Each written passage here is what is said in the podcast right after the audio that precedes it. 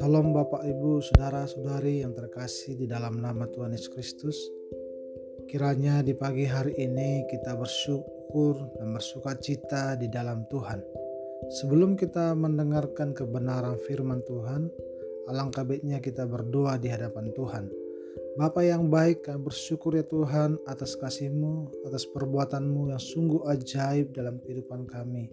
Bila Tuhan kiranya di pagi hari ini waktu kami merenungkan kebenaran firman Tuhan, kami diberikan hikmat daripada Engkau ya Tuhan. Roh Kudus yang menolong kami supaya kebenaran firman Tuhan tidak sia-sia yang kami dengarkan dan bahkan kami bacakan pada hari ini.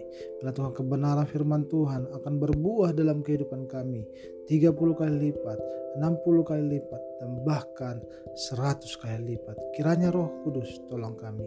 Hanya di dalam nama Yesus Kristus kami berdoa. Haleluya. Amin.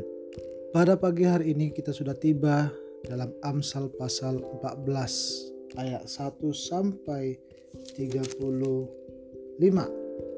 Di dalam pasal ini dimulai tentang istri atau mengenai keluarga. Perlu kita ketahui Bapak Ibu sudah selalu terkasih di dalam keluarga apabila istri yang bijak, istri yang baik pasti sangat berpengaruh tentang keberhasilan keluarga tersebut. Tapi apabila istri yang tidak baik atau bisa dikatakan pemalas atau bisa dikatakan uh, tidak tahu apa-apa di dalam keluarga, saya yakin keluarga itu bukanlah keluarga yang baik atau keluarga yang berhasil. Oleh sebab itu ditekankan di sini, dikatakan di sini perempuan yang bijak mendirikan rumahnya. Di mana perempuan yang bijaksana akan membangun rumahnya dengan baik, memberikan motivasi kepada suaminya dan saya yakin keberhasilan suami karena ada istri yang bijak yang mendukungnya dari belakang. Oleh sebab itu, pada hari ini saya mau katakan kepada ibu-ibu yang ada di rumah, Bijaklah di dalam rumahmu. Bijaklah dalam berkeluarga. Di mana keberhasilan keluargamu atau suamimu ditentukan oleh istri yang bijaksana. Oleh sebab itu pada hari ini diawali dengan ayat ini khususnya bagi ibu-ibu. Biarlah kiranya kita ibu-ibu bijaksana dalam mengatur keluarga kita. Setelah itu Bapak Ibu Saudara terkasih dalam ayat 2 dikatakan siapa berjalan dengan jujur takut akan Tuhan tetapi orang yang sesat jalannya menghina dia. Kalau kita lihat dalam kitab Amsal secara keseluruhan sering dikatakan bahwa orang bijak itu adalah orang yang takut akan Tuhan. Di mana dalam kehidupan kita sebagai orang Kristen, seharusnya kita takut akan Tuhan. Kalau ingin orang yang berhikmat, penuh dengan pengetahuan-pengetahuan yang baik, pengetahuan yang luar biasa, harus memiliki namanya takut akan Tuhan. Oleh sebab itu dikatakan di sini, tapi orang yang sesat jalannya selalu menghina dia. Orang yang tidak takut akan Tuhan pasti yang hidupnya selalu menghina Tuhan, selalu mengatakan bahwa Tuhan yang disembah oleh orang Kristen adalah Tuhan yang tidak hidup, tapi Tuhan yang mati. Orang-orang seperti ini adalah si pencemooh yang mencari hikmat tapi sia-sia. Sedangkan bagi orang yang berpengertian, pengetahuan mudah diperoleh. Oleh sebab itu, takutlah akan Tuhan dan Tuhan akan memberikan pengertian, pengetahuan dalam kehidupan kita. Oleh sebab itu, Bapak Ibu Saudara-saudara terkasih, biarlah kiranya kita menjauhi orang bebal karena pengetahuan tidak kita dapati dari bibirnya. Biasanya orang yang bebal, orang yang menyesatkan, tidak ada pengetahuan yang kita dapatkan dari kehidupannya. Mereka selalu mengajarkan tentang hal-hal yang tidak benar dalam kehidupan ini. Sehingga penulis Amsal mengatakan seperti ini bahwa mereka adalah orang yang tak berpengalaman mendapat kebodohan, orang yang tidak bijaksana, orang yang tidak uh, penuh hikmat. Mereka lah adalah orang yang bebal. Tetapi dikatakan di sini, tetapi orang yang bijak bermahkotakan pengetahuan. Oleh sebab itu, Bapak Ibu Saudara terkasih, dari awal kita memulai tentang keluarga sebagai istri yang bijak dan pada akhirnya dalam ayat-ayat seterusnya dijelaskan tentang orang yang bebal, orang yang menyesatkan.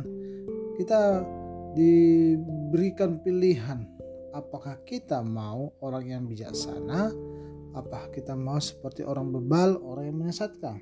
Sebab dikatakan di sini orang yang bijak mereka akan bermahkotakan pengetahuan karena orang bijak adalah orang yang takut akan Tuhan yang selalu mau merenungkan firman Tuhan dalam kehidupannya.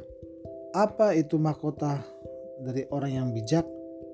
Yaitu kepintaran dalam kehidupannya.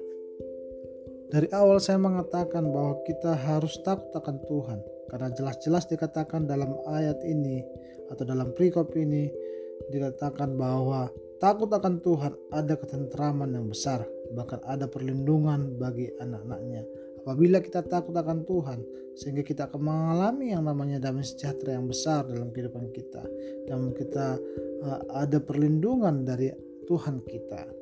Dikatakan juga bahwa dalam ayat 27 takut akan Tuhan adalah sumber kehidupan sehingga orang yang terhindar dari jerat maut. Perlu kita ketahui pada saat ini di mana iblis tidak henti-hentinya menjerat kita, menjatuhkan kita. Tetapi waktu kita takut akan Tuhan dalam kehidupan kita, sehingga kita akan terlindungi, sehingga kita akan terhindar dari jerat maut tersebut, sehingga kita menemukan sumber kehidupan, yaitu hanya ada pada Tuhan kita Yesus Kristus. Dan sangat jelas dalam perikop ini, di mana orang yang menyesatkan, orang yang bebal, orang yang fasik, dirobohkan karena kejahatannya. Oleh sebab itu, apakah kita mau seperti orang bebal, orang yang menyesatkan, orang yang tidak mau dengar-dengaran akan kefirman Tuhan, atau kita menjadi orang yang benar yang selalu mendapatkan perlindungan daripada Tuhan. Oleh sebab itu, Bapak Ibu Saudara terkasih, mari kita belajar menjadi orang yang bijaksana.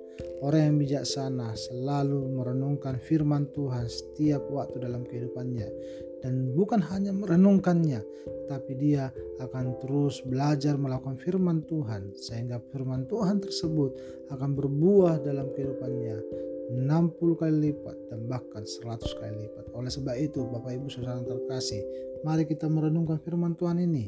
Biarlah kiranya kita selalu bijaksana dalam kehidupan ini.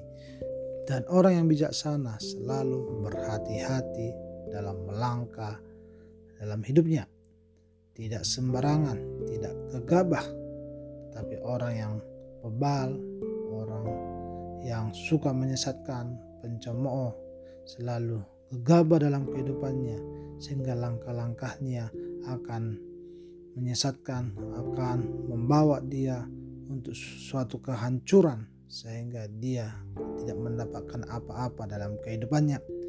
Pada pagi hari ini, bagi kita semua, baik suami istri, baik anak-anak muda, bijaklah dalam kehidupanmu.